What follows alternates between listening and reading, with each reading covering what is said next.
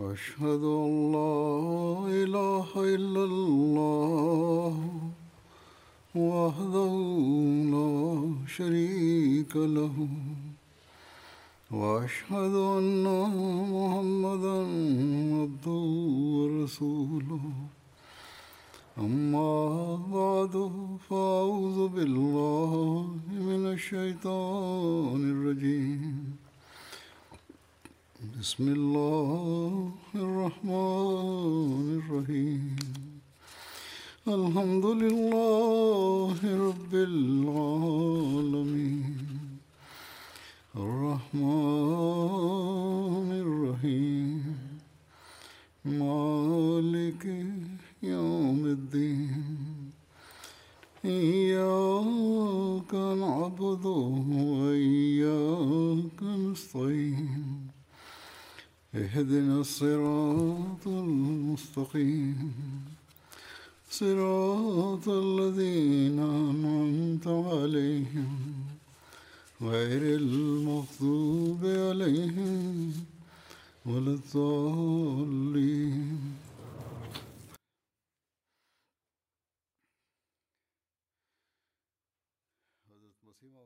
Ma'rifat Al-Quran Karim yang Hadrat Masih Maud salam anugerahkan kepada kita atau cara beliau alaihissalam menyajikan ma'rifat tersebut dalam buku-buku dan sabda-sabda beliau alaihissalam untuk difahami dan diamalkan. Berkenaan dengan itu, saya telah menyampaikan pada dua khutbah Jumat yang lalu, khazanah Al-Quran Karim yang telah beliau alaihissalam berikan kepada kita, sejatinya inilah yang menghubungkan seorang hamba dengan Allah Ta'ala. Tanpa itu, tidak ada suatu sarana lain untuk meraih Allah Ta'ala dan memperoleh kedekatan dengannya. Hadrat Masih Maud salam bersabda dalam satu syairnya, Al-Quran adalah manifestasi Tuhan dan firman Tuhan. Tanpanya, taman ma'rifat tidaklah sempurna. Jadi, inilah poin yang hendaknya senantiasa kita perhatikan. Jika kita menghendaki kedekatan dengan Allah Ta'ala dan juga ridhonya, jika kita ingin menghiasi kehidupan dunia dan akhirat kita, maka kita harus mengingat hal-hal ini.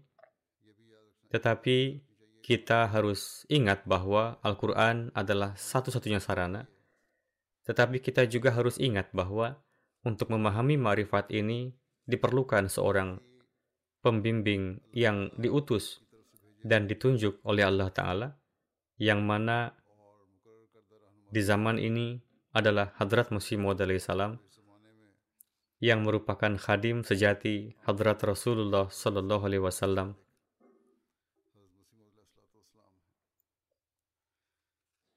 Beliau alaihissalam menjelaskan berbagai aspek dari Al-Quran Karim dengan begitu mendalam dan menunjukkan keindahannya sebagaimana saya telah sampaikan bahwa saya telah menjelaskannya pada dua khutbah yang lalu.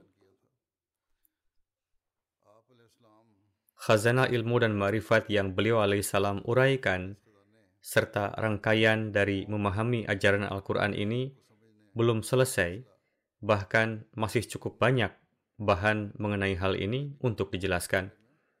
Hari ini pun melanjutkan rangkaian tema ini saya akan menjelaskan keistimewaan, kedudukan, dan pentingnya Al-Quran berdasarkan sabda-sabda dan tulisan Hadrat Masih Maud salam.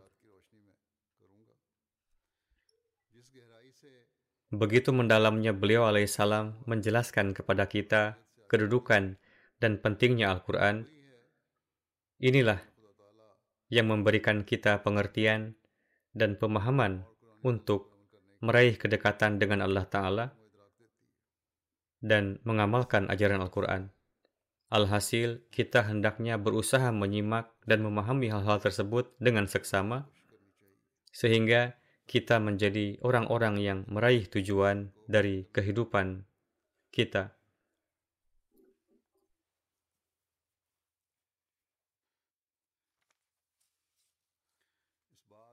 Seraya menjelaskan bahwa Al-Quran adalah kalam Allah Ta'ala, Hadrat Masih Maud salam dalam suratnya kepada seseorang yang bernama Lala Bhim Singh menulis bahwa beberapa hari yang lalu, seorang Brahmana bernama Lekram yang adalah seorang Arya mendatangi saya di Kadian dan mengatakan bahwa Weda adalah kalam Tuhan dan Al-Quran bukanlah kalam Tuhan. Saya mengatakan kepadanya bahwa dikarenakan Anda mengklaim bahwa Weda adalah kalam Tuhan, namun ditinjau dari kondisinya saat ini, saya tidak menganggapnya sebagai kalam Tuhan, karena di dalamnya mengandung ajaran syirik. Sesuatu yang di dalamnya terdapat ajaran syirik, bagaimana mungkin itu merupakan kalam Tuhan? Dan selain itu, terdapat ajaran-ajaran yang tidak suci lainnya. Namun, saya mengetahui Al-Quran sebagai kalam Tuhan karena di dalamnya tidak terdapat ajaran syirik atau ajaran kotor lainnya. Dan dengan mengikutinya, wajah Tuhan yang maha hidup akan nampak dan mukjizat-mukjizat akan zahir. Alhasil, syarat menjadi kalam Allah Ta'ala adalah hendaknya suci dari syirik dan dengan mengikutinya, wajah Allah Ta'ala akan nampak bagaimana Al-Quran memainkan perannya dalam menunjukkan wajah Allah Ta'ala, hal ini dapat dilihat dalam kehidupan para sahabat, seraya menyebutkan pengaruh ajaran Al-Quran terhadap para sahabat radhiyallahu anhum, Hadrat Musi salam bersabda, memandang secara luas ke masa Hadrat Rasulullah SAW yang merupakan masa puncak Islam, terbukti bagaimana ajaran hadrat Rasulullah SAW telah menyampaikan orang-orang beriman dari tingkatan terendah ke tingkatan tertinggi. Karena kebanyakan orang-orang mukmin kondisi awal mereka sedemikian rupa sehingga kondisi mereka lebih buruk daripada orang-orang primitif dan mereka hidup seperti binatang-binatang buas dan mereka sedemikian rupa terjerumus dalam perbuatan-perbuatan buruk dan akhlak-akhlak buruk sehingga telah keluar dari sifat kemanusiaan. Mereka sedemikian rupa bebal sehingga tidak memahami bahwa mereka adalah pelaku keburukan, yakni rasa untuk mengenali kebaikan dan keburukan telah hilang. Alhasil, pengaruh pertama dari ajaran Al-Quran dan persahabatan dengan hadrat Rasulullah SAW terhadap mereka adalah mereka menyadari bahwa mereka benar-benar telanjang dari pakaian kesucian dan terperangkap dalam lumpur keburukan. Sebagaimana Allah Ta'ala berfirman mengenai kondisi awal mereka, Ula'ika kalla an'ami balhum adol. Yakni, mereka itu seperti hewan berkaki empat, bahkan lebih buruk lagi. Kemudian, berkat persahabatan suci dengan hadrat Rasulullah Sallallahu Alaihi Wasallam, dan pengaruh menawan dari Furqan Hamid, Hamid, yakni Al-Quran, mereka menyadari bahwa kondisi yang telah mereka jalani adalah kehidupan yang biadab dan benar-benar dicemari dengan perbuatan-perbuatan buruk. Lalu mereka mendapatkan kekuatan dari Ruhul Kudus dan bergerak menuju amal-amal kebaikan. Sebagaimana Allah Ta'ala berfirman mengenai mereka, وَأَيَّدَهُمْ بِرُوحٍ مِّنْهُ yakni Allah Ta'ala telah menyokong mereka dengan suatu ruh suci. Itu adalah kekuatan gaib yang diraih manusia setelah beriman dan setelah bersabar sedemikian rupa. Kemudian, setelah mendapatkan kekuatan tersebut, mereka tidak hanya menetap pada derajat tersebut, di mana mereka merasakan aib-aib dan dosa-dosa mereka dan merasa muak dengan aroma tak sedapnya. Bahkan sekarang mereka sedemikian rupa melangkah menuju kebaikan sehingga mereka telah mencapai setengah dari kesempurnaan potensi mereka dan berlawanan dengan kelemahan-kelemahan, telah tercipta kekuatan dalam melaksanakan amal-amal kebaikan. Mereka tidak hanya menghilangkan keburukan-keburukan, bahkan melangkah pada kebaikan-kebaikan, dan dengan demikian mereka telah meraih kondisi pertengahan, dan kemudian mereka diberkati dengan kekuatan dari Rohul Kudus dan sibuk dalam perjuangan untuk mengalahkan syaitan dengan amalan-amalan suci mereka. Kemudian guna membuat Allah Ta'ala ridho, mereka menempuh upaya-upaya keras yang tak terbayangkan oleh manusia yang lebih dari itu. Layaknya jerami yang kering, mereka tidak menghargai nyawa mereka di jalan Allah Ta'ala.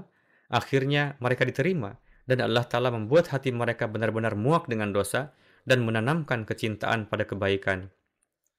Jadi, inilah pengaruh Al-Quran pada mereka, bahwa mereka bangkit dari bumi dan menjadi bintang-bintang yang bersinar di langit, yang mengenai mereka, Hadrat Rasulullah SAW bersabda, masing-masing dari mereka adalah penunjuk jalan bagi kalian. Dengan mengikuti Al-Quran, manusia menjadi manifestasi sifat-sifat Allah Ta'ala. Seraya menjelaskan ini, beliau alaihissalam bersabda, Barang siapa yang mengikuti Al-Quran dan menyampaikan kecintaan dan ketulusan hingga ke puncak tertinggi, dia menjadi manifestasi sifat-sifat Allah Ta'ala secara zilli atau bayangan, yang menjadi syarat tidaklah hanya mengikuti semata, melainkan menyampaikan kecintaan dan ketulusan hingga ke puncak tertinggi juga merupakan syarat. Yakni jika perintah-perintahnya diamalkan sepenuhnya, maka ia akan menjadi manifestasi dari sifat-sifat Allah Ta'ala. Kemudian beliau alaihissalam bersabda, semua ini adalah hasil dari kekuatan dan khasiat yang dahsyat yang kita saksikan dalam kalam Allah Ta'ala, Al-Quran. Kekuatan dan khasiat yang dahsyat itu tidak terdapat dalam kitab lain yang dalam pandangan suatu kaum dianggap sebagai kitab ilhami.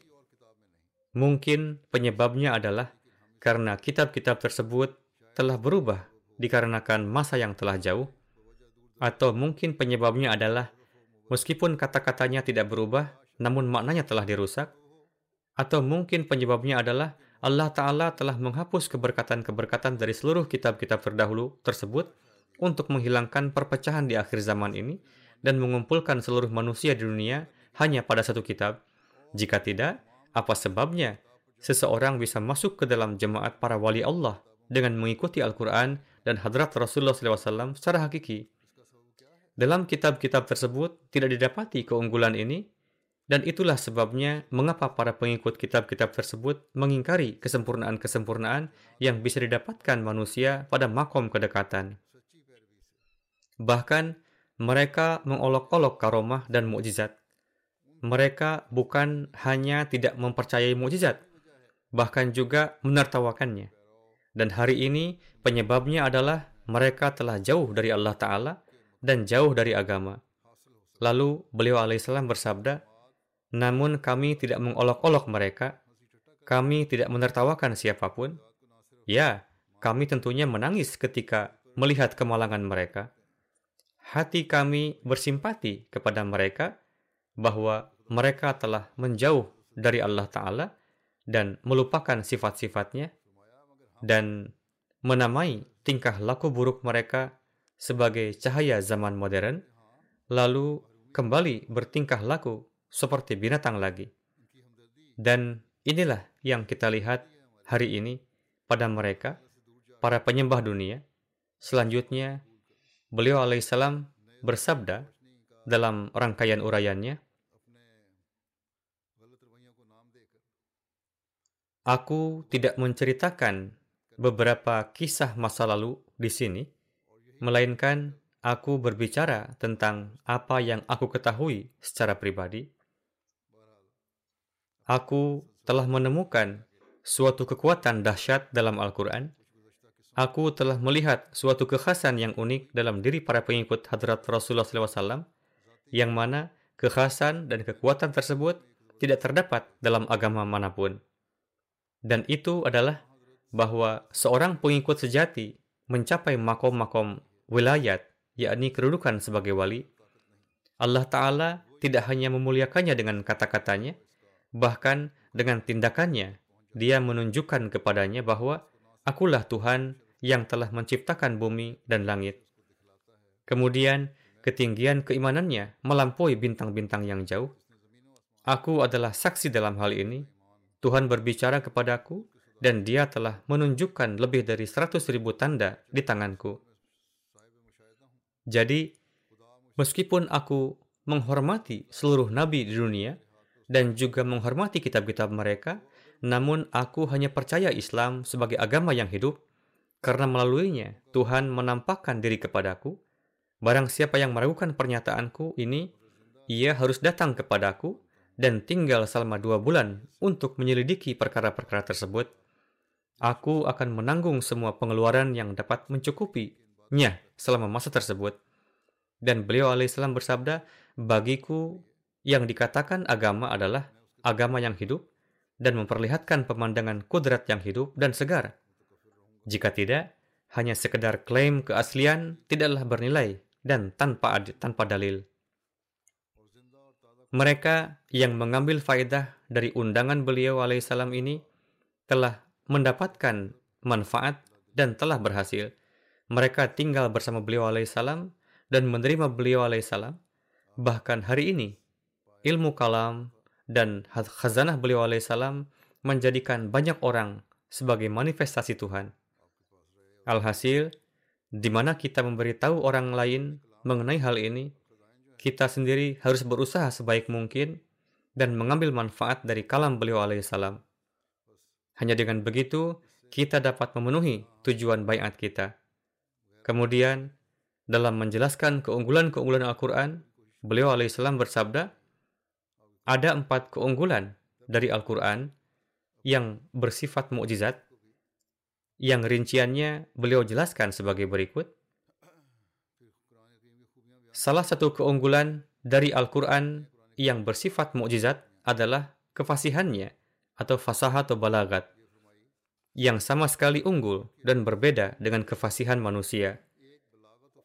Karena ruang kefasihan manusia sangatlah sempit dan selama dalam suatu pembicaraan tidak dicampuri dengan bualan dan kebohongan, tidak ada manusia yang mampu memiliki kefasihan pada tingkat yang tinggi. Kalam Allah Ta'ala benar-benar suci darinya. Tidak ada pemalsuan. Keunggulan Al-Quran yang bersifat mukjizat yang kedua adalah bahwa kisah-kisah yang diceritakannya, pada hakikatnya semua itu adalah nubuatan yang diisyaratkannya. Ini juga nampak dalam Al-Quran. Keunggulan Al-Quran yang bersifat mukjizat yang ketiga adalah ajarannya ber berisi semua sarana untuk menyampaikan fitrat manusia pada kesempurnaannya. Dan semua dalil dan tanda yang dibutuhkan manusia untuk meraih keyakinan ada di dalamnya. Keempat, Salah satu keunggulan besar di dalamnya adalah Al-Quran membawa mereka yang mengikuti secara sempurna begitu dekat dengan Tuhan, sehingga mereka meraih kemuliaan bercakap-cakap dengan Tuhan, yakni mukalamah ilahiyah, dan tanda-tanda yang terbuka zahir kepadanya, dan mereka meraih pemurnian diri atau tazkiyah nafs, serta keteguhan iman. Dan poin Al-Quran ini sangat patut untuk diingat bahwa karunia berupa tanda-tanda samawi yang diberikan kepada seorang mukmin yang sempurna itu adalah perbuatan Tuhan. Oleh karenanya, tidak ada seorang pun yang bisa menyatakan keunggulannya. Keunggulan pribadi seorang mukmin yang sempurna adalah ketakwaan, kesucian, kekuatan iman, dan keistiqomahannya. Sebagai contoh, jika cahaya matahari mengenai sebuah dinding, cahaya tersebut tidaklah termasuk ke dalam keunggulan dinding tersebut, karena cahaya itu dapat dipisahkan darinya. Melainkan, keunggulan tembok adalah pondasinya diletakkan di atas sebuah batu yang kuat dan merupakan suatu bangunan yang kokoh dan kuat, yang bagaimanapun besarnya banjir datang dan angin kencang bertiup dan hujan turun dengan lebatnya layaknya badai, tidak akan menggoyahkan tembok tersebut. Jadi, hendaknya iman pun berada dalam keadaan seperti ini.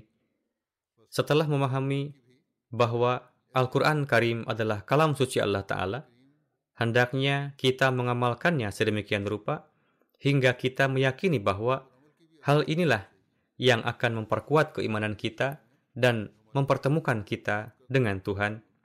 Dengan ini, tidak akan ada angin taufan dan penentangan yang dapat menggoyahkan keimanan kita. Inilah keistimewaan insan, dan ia akan senantiasa disinari dengan kalam Allah Ta'ala, yakni ia akan terus berupaya untuk memahaminya. Kemudian bersabda, Al-Quran Karim adalah kitab suci yang dengan mengikutinya maka doa-doa akan dikabulkan. Dalam menjelaskannya secara rinci, beliau alaihissalam bersabda, Salah satu pengaruh Al-Quran suci yang penuh dengan mukjizat adalah bahwa siapa saja yang dengan utuh mengikutinya, ia akan meraih derajat kemakbulan dan doa-doanya akan dikabulkan dan Allah Ta'ala pun akan bercakap-cakap dengannya melalui kalamnya yang indah dan penuh wibawa. Secara khusus, Tuhan akan menolongnya dalam menghadapi musuh-musuhnya dan menyingkapkan hal gaib kepadanya sebagai dukungan kepadanya. Dalam menjelaskan hal ini dan menerangkan bahwa seluruh petunjuk terkandung di dalam Al-Quran Karim, beliau alaihissalam bersabda, seperti halnya orang-orang musyrik Arab, golongan ahli kitab di negeri ini pun jatuh dalam dosa-dosa. Orang-orang Kristen menekankan pada ajaran penebusan dosa dan bertumpu padanya, serta memahami bahwa semua dosa adalah halal bagi mereka, Sementara itu, orang-orang Yahudi mengatakan bahwa dosa-dosa yang mereka lakukan hanya akan membawa mereka beberapa hari di neraka dan tidak lebih dari itu. Sebagaimana tentang ini Allah Ta'ala berfirman, bi'annahum qalu tamassanan naru illa ayyaman ma'dudat wa gharrahum fi dinihim ma kanu yaftarun. Keberanian yang ada di dalam diri mereka ini yakni untuk melakukan tindakan-tindakan itu, mengapa dapat muncul? Hal ini karena mereka menyatakan, sebagaimana ayat yang saya sampaikan ini, yakni, apabila api neraka pun akan menyentuh kami, maka itu hanya beberapa hari saja. Dan sikap pengada-adaan yang mereka buat akan menjadikan mereka tinggi hati. Alhasil, sebagaimana pada saat itu golongan ahli kitab dan musyrik Arab telah sangat buruk kelakuannya, di mana mereka menganggap bahwa keburukan yang mereka lakukan adalah perbuatan kebaikan, dan mereka tidak bertobat dari perbuatan-perbuatan dosa mereka, dan mereka telah merusak kedamaian secara umum, maka Allah Ta'ala melalui perantaraan tangan nabinya menurunkan keadilan dan berkeinginan menyelamatkan orang-orang yang tidak berdaya melalui perantaraan mereka. Lalu karena bangsa Arab saat itu bersifat kedaerahan dan mereka tidak bersatu di bawah suatu raja, maka dari itu setiap golongan menjalani kehidupan mereka dengan penuh keberanian dan tanpa ikatan. Kemudian karena mereka tidak memiliki suatu undang-undang yang mengatur hukuman, oleh karena itu mereka semakin hari semakin maju dalam pelanggaran. Alhasil, Tuhan berbelas kasih terhadap negeri ini dan mengutus Rasulullah SAW tidak hanya sebagai Rasul, tetapi juga sebagai Raja bagi negeri ini dan telah menyempurnakan Al-Quran Syarif sehingga menjadi laksana undang-undang yang di dalamnya terkandung berbagai petunjuk dari kehidupan sehari-hari hingga keuangan. Jadi, Rasulullah SAW sebagai sosok raja, maka beliau menjadi hakim bagi segenap golongan dan orang-orang dari setiap agama meminta keputusan dari beliau dalam perkara peradilan mereka. Dari Al-Quran suci jelas tertera bahwa suatu saat ada seorang Muslim dan seorang Yahudi di dalam peradilan beliau alaihissalam. Kemudian setelah beliau SAW menyelidiki, beliau memenangkan orang Yahudi itu dan menghukum orang Muslim itu disebabkan oleh kelakuannya.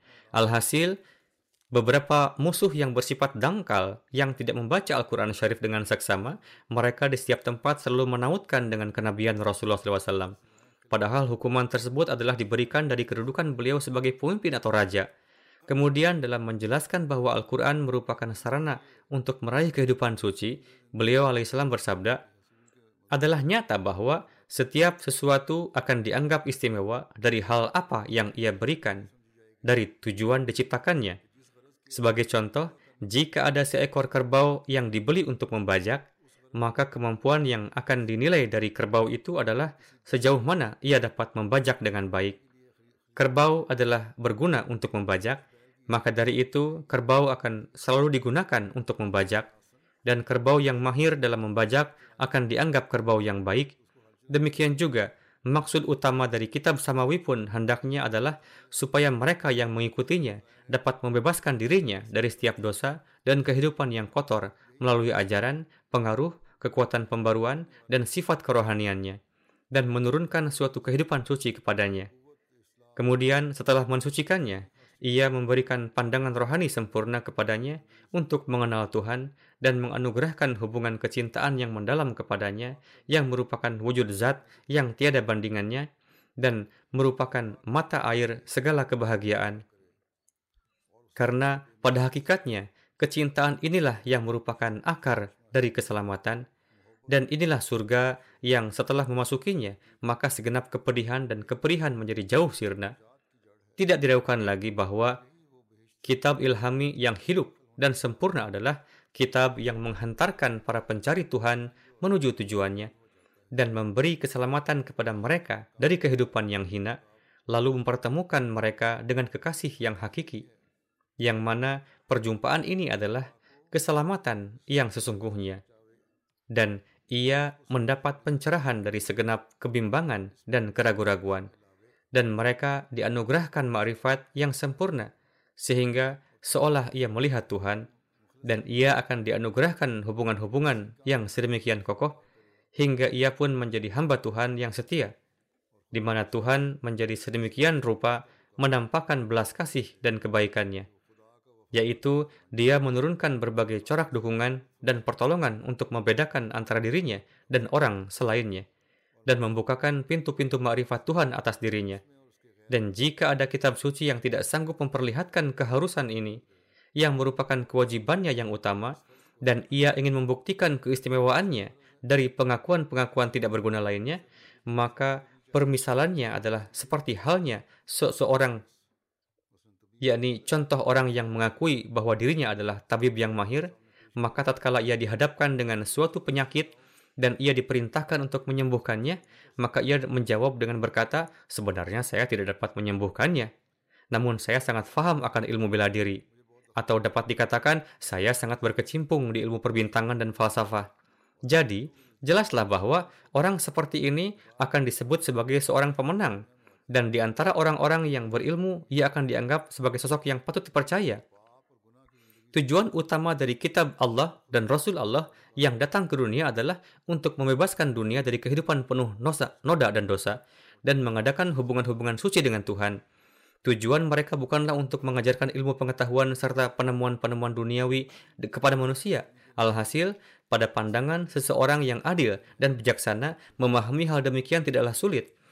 Karena kewajiban dari kitab Allah adalah untuk mempertemukan manusia dengan Tuhan dan menghantarkan dirinya hingga tingkat keyakinan yang tinggi dalam mengenal wujud Tuhan dan menanamkan kebesaran dan keagungan Tuhan di dalam hatinya serta menahan dirinya dari melakukan dosa.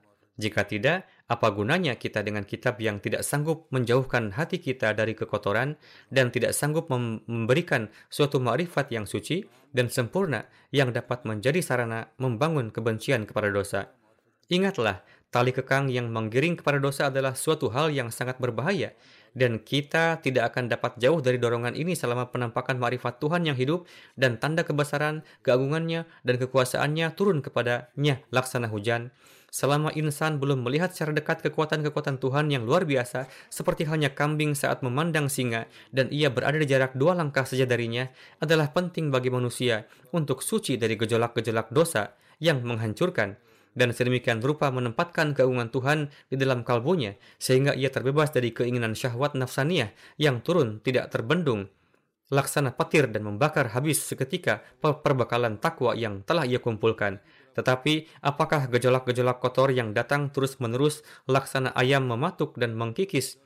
Semangat ketakwaannya itu akan sanggup ia jauhi hanya dari gambaran permeshwar atau Tuhannya yang ia buat sendiri? Atau dapat ia bendung melalui pemikiran yang ia dapatkan sendiri? Atau dapat ia tolak dengan suatu penebusan dosa yang kedukaannya bahkan belum menyentuh jiwanya? Sama sekali tidak. Ini bukanlah perkara biasa bagi orang yang berjaksana Ini adalah hal yang patut direnungkan.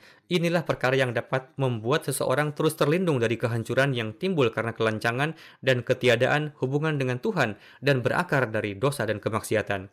Adalah nyata bahwa manusia tidak akan dapat meraih kelezatan-kelezatan hakiki dengan mengandalkan pada pikirannya yang penuh keraguan. Terkadang dikatakan bahwa ini akan terjadi, insya Allah kita akan mendapatkan ini, nanti kita akan mendapatkannya, kapan dan bagaimana? Hal ini tidak dapat disandarkan padanya. Beliau alaihissalam bersabda, Ya, memang suatu keyakinan dapat meniadakan keyakinan yang lain. Sebagai contoh, jika ada seorang yang tentang suatu hutan ia meyakini bahwa di tempat ini, yakni di hutan, banyak sekali terdapat rusa yang dapat ditangkap dengan mudah, sehingga dengan keyakinan ini kita pun siap untuk melangkah ke dalam hutan tersebut. Namun ada keyakinan lain bahwa di dalam hutan yang sama juga terdapat 50 singa baber dan juga ribuan ular yang mematikan sehingga kita pun akan berkeinginan kuat untuk beranjak dari sana. Demikianlah, tanpa adanya tingkatan keyakinan yang seperti ini, dosa pun tidak akan dapat terhindari. Cara menjauhkan diri dari dosa adalah adanya keyakinan bahwa jika kita melakukan dosa ini, memang akan ada kesenangan sementara, tetapi seperti halnya kita pergi ke hutan untuk berburu, dan di sana ada banyak singa dan ular, dan rasa takut akan yang menjadikan kita meninggalkan keinginan berburu, maka demikian pula dengan cara ini manusia dapat diselamatkan dari dosa-dosa, yaitu jika terlahir keyakinan bahwa cengkeraman Allah Ta'ala sangatlah kuat, dan jika kita melakukan dosa, maka kita pasti akan masuk ke dalam cengkeramannya. Bersabda, besi akan patah dengan besi juga, Hendaknya tertanam sedemikian rupa sikap takjub akan kebesaran dan keagungan Tuhan yang akan mengikis habis penghalang-penghalang kelalaian dan memasukkan suatu gejolak di dalam diri dan mendekatkan rasa was-was akan kematian dan hendaknya muncul suatu rasa takut di dalam hati yang akan menghancurkan segala corak dan bagian nafsu amarah dan manusia menjadi ditarik menuju kepada Tuhan oleh suatu tangan gaib dan kalbunya penuh dengan keyakinan bahwa pada hakikatnya Tuhan itu ada, yaitu Tuhan yang tidak akan meninggalkan pendosa yang lancang tanpa hukuman. Jadi, apa yang akan dilakukan oleh seorang pencari kesucian yang hakiki terhadap suatu kitab yang dengan perantaraannya kebutuhan ini tidak terpenuhi? Maka dari itu saya menzahirkan hal ini kepada segenap manusia bahwa kitab yang memenuhi seluruh kebutuhan itu hanyalah Al-Quran Syarif dengan perantaraannya akan terlahir daya tarik dalam diri manusia menuju Tuhannya dan kecintaannya kepada dunia akan menjadi dingin. Dan pada akhirnya dengan mengikutinya maka Tuhan yang amat sangat tersembunyi itu pun menzahirkan wujudnya. Dan dengan mengikutinya wujud yang maha kuasa itu yang mana kekuasaannya tidaklah difahami oleh kaum lainnya Tuhan sendiri yang akan menampakkannya kepada manusia dan hendaknya ini diingat bahwa Tuhan sendirilah yang memperlihatkan kepada manusia yang mengikuti Al-Quran yaitu dia memperlihatkan pemandangan dunia malaikat kepadanya dan mengabarkan keberadaan wujudnya kepadanya melalui seruan anal maujud yaitu aku ada Alhasil, inilah pengertian dan pemahaman tentang Al-Quran suci yang hendaknya dimiliki. Ini adalah segi amalan dari ajaran ini yang harus kita zahirkan. Jika tidak, kita akan seperti agama lain yang mana pengamalannya hanya sebatas pengakuan belaka. Kini beliau bersabda, kitab ini memberi pembaruan dan kitab lain tidak. Hal ini karena ajarannya yang tidak sempurna. Jika kita meyakini Al-Quran Karim, namun tidak ada perbaikan dalam diri kita, maka ini adalah kesalahan kita. Karena sebagaimana beliau sabdakan bahwa kita harus mengikutinya secara sempurna, jika kita tidak seutuhnya mengikutinya, maka bagaimana bisa ada perubahan? Jika tidak diamalkan, maka bagaimana islah dapat terwujud? Jadi, kita hendaknya berusaha untuk menjadi orang yang sepenuhnya mengikutinya. Semoga Allah Ta'ala menganugerahkan taufik bagi kita.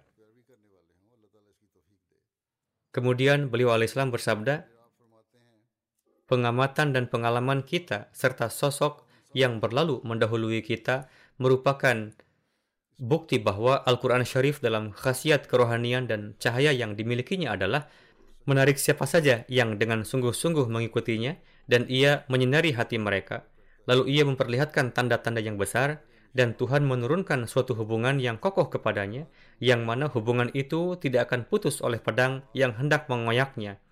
Hal ini akan membuka mata hatinya dan menutup sumber air kotor tempat keluarnya dosa, dan ia menganugerahkan kelezatan bermuka lemah dan bercakap-cakap dengan Tuhan, dan menurunkan pengetahuan gaib kepadanya, dan memberitahukan pengabulan doanya melalui kalamnya, dan siapa saja yang melawan mereka, yaitu orang-orang yang secara hakiki mengikuti Al-Quran Syarif, Tuhan akan menzahirkan melalui tanda-tandanya yang menggentarkan bahwa dia adalah bersama hambanya yang mengikuti kalamnya itu. Jadi, menjadi pengikut hakiki adalah syarat utama. Kemudian dalam menjelaskan bahwa Al-Quran Karim adalah sarana untuk selamat dari syirik, beliau alaihissalam bersabda, benih tauhid yang telah Al-Quran Syarif tanam di negeri Arab, Persia, Mesir, Syam, Hindustan, Tiongkok, Afghanistan, Kashmir, dan lainnya, yang dengan perantaraannya penyembahan berhala dan berbagai corak penyembahan makhluk pun telah dicabut dari akarnya. Hal ini adalah suatu pekerjaan besar yang tidak ada bandingannya di zaman mana pun. Ketika Islam menyebar di masa awal dan syirik pun menjadi sirna di tengah di negeri-negeri itu, ini adalah karena mengamalkan ajaran Al-Quran Karim. Dan atas dasar inilah nenek moyang kita telah menerima Islam, tetapi jika kita tidak mengamalkannya, maka kita akan kembali kepada masa jahiliyah itu. Ajaran Al-Quran Karim adalah ajaran yang sangat luhur.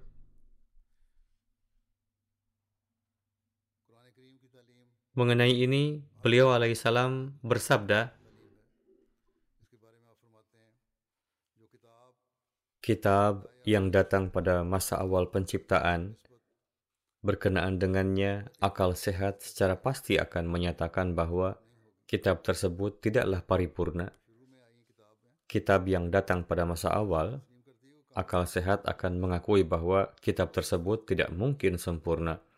Bahkan seperti layaknya seorang guru yang mengajarkan huruf alfabet kepada anak-anak kecil, mengajarkan ABC kepada anak-anak, jelaslah bahwa pada masa pendidikan dasar tidak diperlukan adanya kemampuan yang tinggi. Adapun pada masa ketika pengalaman manusia semakin maju dan manusia jatuh ke dalam berbagai macam kesalahan, maka pendidikan yang mendalam menjadi perlu. Apalagi ketika kegelapan kesesatan menyebar di dunia dan manusia terlibat dalam berbagai macam kesesatan ilmu dan amal, maka saat itu diperlukan pendidikan yang lebih tinggi dan sempurna, dan itu adalah Al-Quran Syarif. Namun pada masa permulaan tidak diperlukan ajaran yang bertaraf luhur, karena jiwa manusia masih sederhana, dan belum ada kegelapan dan kesesatan yang terbangun di dalamnya. Ya, pendidikan dasar yang lebih tinggi diperlukan untuk kitab yang diturunkan pada saat kesesatan yang ekstrim, dan datang untuk mengislah orang-orang yang di dalam hatinya telah tertanam keyakinan dan perbuatan jahat yang telah menjadi kebiasaan. Adapun ajaran Al-Quran datang pada saat pikiran manusia telah matang dan mulai memahami, dan kejahatan telah mencapai puncaknya, dan manusia tenggelam di dalamnya. Saat itu ajaran juga datang sesuai dengan keadaan pikirannya. Selanjutnya bersabda, berkenaan dengan keuniversalan Al-Quran, ingatlah bahwa secara faktual benar bahwa pada masa awal penciptaan pun umat manusia mendapatkan sebuah kitab ilhami. Lalu beliau bersabda, dalam hal ini, jika ada yang bertanya, mengapa hanya satu kitab ilhami yang diberikan kepada manusia pada permulaan zaman? Mengapa kitab-kitab yang berbeda tidak diberikan kepada setiap bangsa?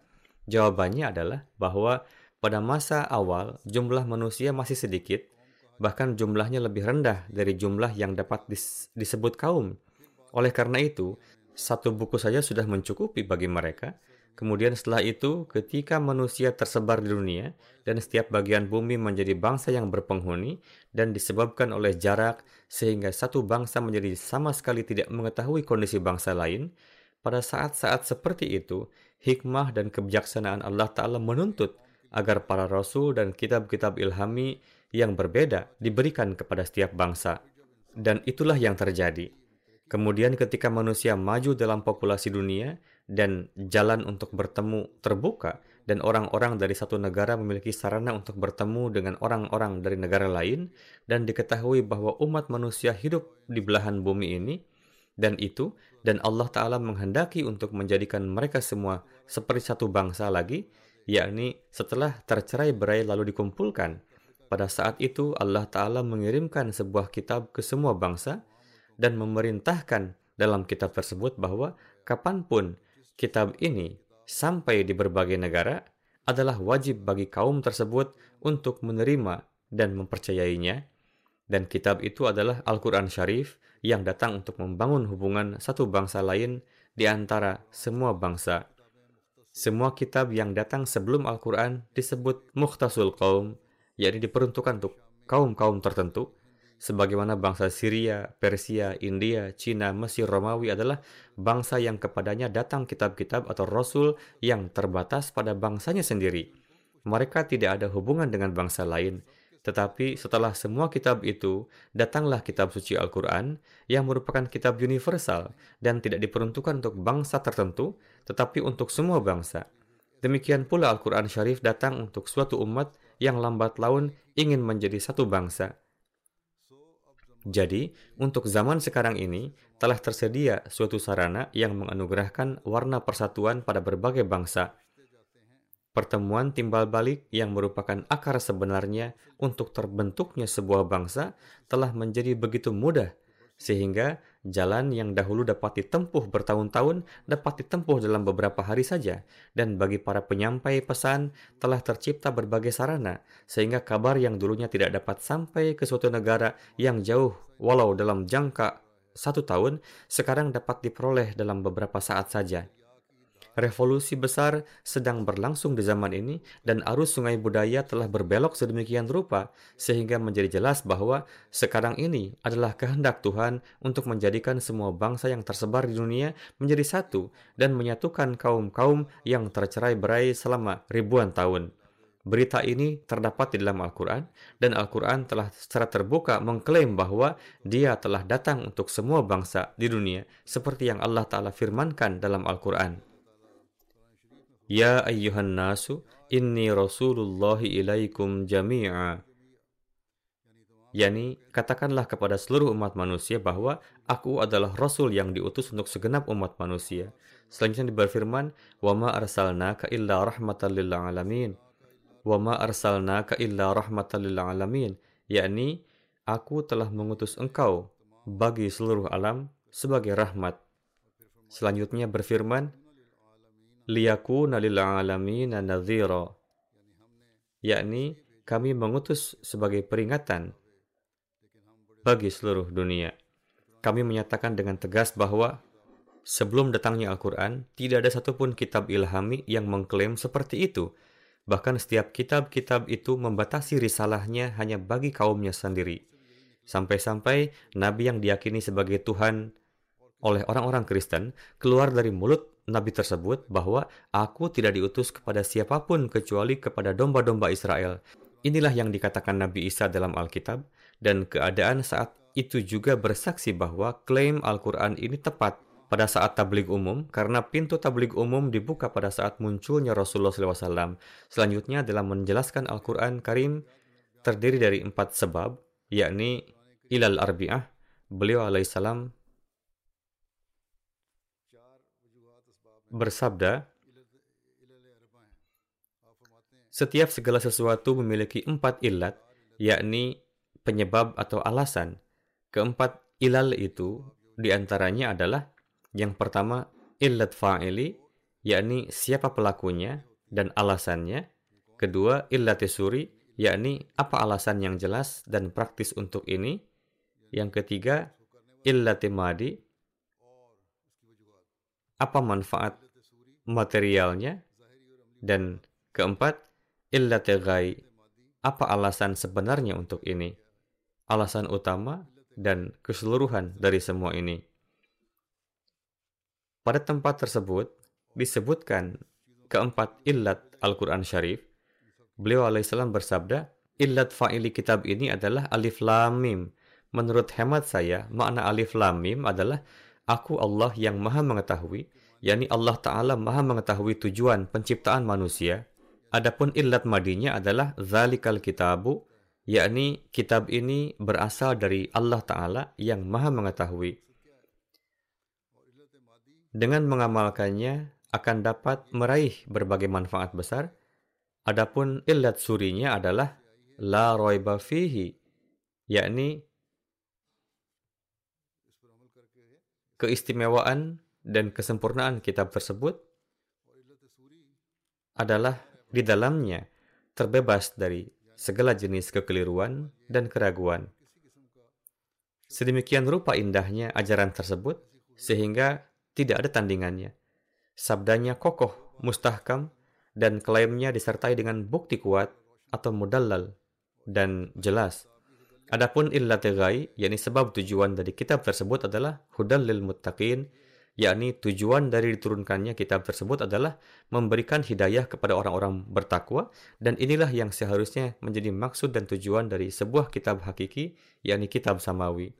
Selanjutnya, beliau al-Islam bersabda, dalam menerjemahkan ayat kedua dan ketiga surah Al-Baqarah, beliau alaihissalam bersabda, Ketakwaan ditetapkan sebagai sesuatu yang teramat sangat diperlukan, sehingga Al-Quran Karim menetapkannya sebagai illat ghai, yakni sebab tujuan, sebagaimana pada permulaan surat kedua difirmankan, Alif Lam Mim, Zalikal Kitabul Raiba Muttaqin. Saya meyakini bahwa Urutan Al-Quran tersebut mengandung satu kemuliaan yang tinggi. Allah Ta'ala menyebutkan ilal arbi'ah di dalamnya, yakni empat sebab di antaranya adalah illat fa'ili, illat madi, illat suri, illat ghai. Setiap segala sesuatu disertai oleh keempat sebab ini. Al-Quran menunjukkan hal ini dengan sangat sempurna. Kalimat Alif Lam Mim mengindikasikan bahwa Allah yang maha mengetahui telah menurunkan firman tersebut kepada Rasulullah SAW, artinya Allah adalah pelakunya. Zalikal kitabu menyebutkan materinya, yakni Al-Quran Karim. Sebut saja bahwa ini adalah sebab materi. Dengan kata lain, kitab yang kita miliki dalam bentuk material juga merupakan kitab yang dengannya seseorang dapat mencapai tujuannya. Illat surinya adalah la raiba fih Sebagaimana dalam segala hal dapat timbul keraguan dan kecurigaan, tetapi Al-Quran adalah kitab yang tidak ada keraguan di dalamnya. Itulah gunanya la raib. Kini Allah Ta'ala telah memberitahukan keagungan kitab ini, yakni la raiba fihi.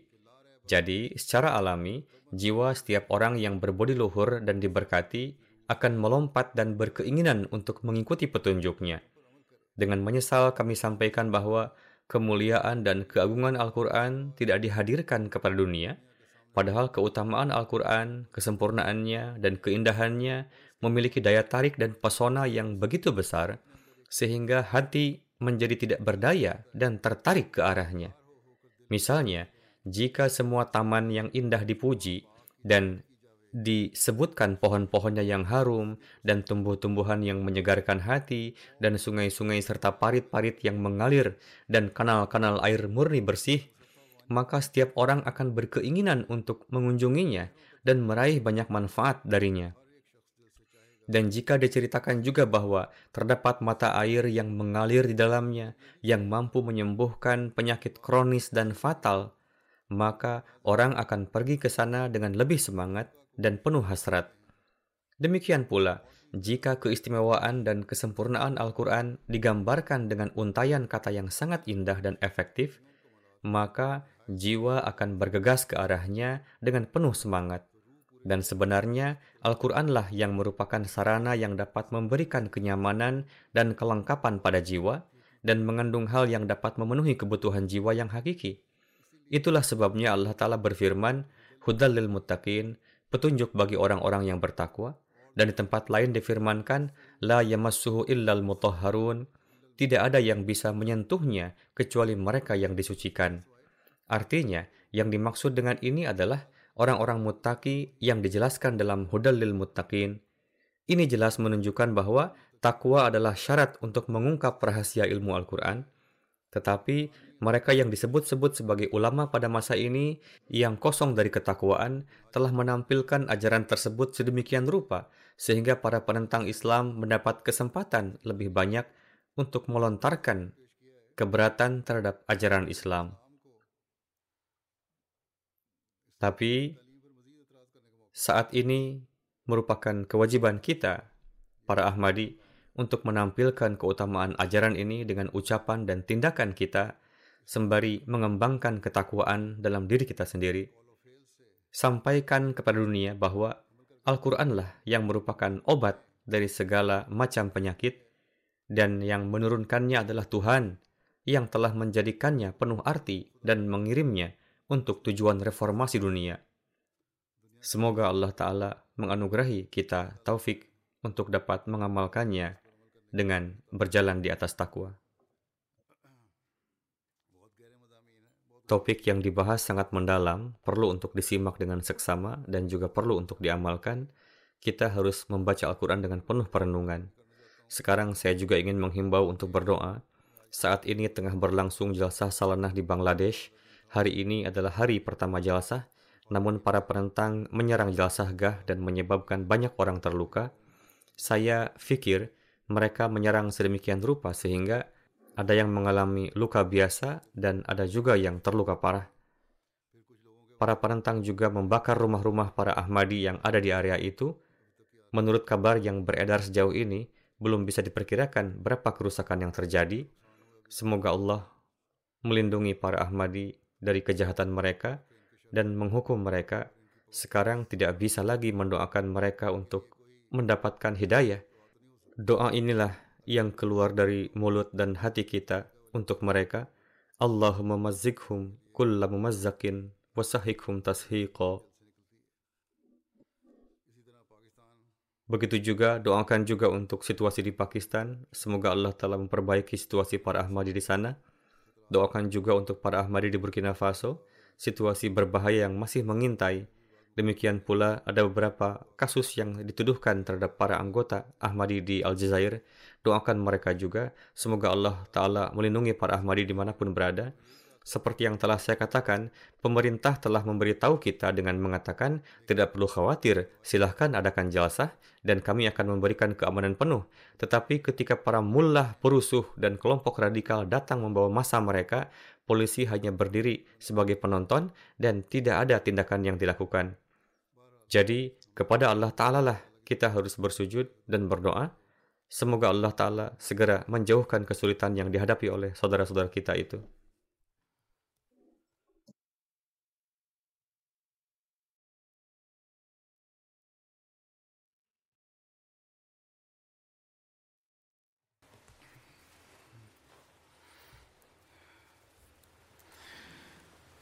الحمد لله الحمد لله نحمده ونستعينه ونستغفره ونؤمن به ونتوكل عليه. ونعوذ بالله من شرور أنفسنا ومن سيئات أعمالنا. من يهده الله فلا مضل له ومن يضلل فلا هادي له. ونشهد أن لا إله إلا الله ونشهد أن محمدا عبده ورسوله. عباد الله رحمكم الله. إن الله يأمر بالعدل واللسان وإيتاء ذي القربى وينهى عن الفحشاء والمنكر والبغي يعظكم لعلكم تذكرون اذكروا الله يذكركم وادعوه يستجب لكم ولذكر الله أكبر.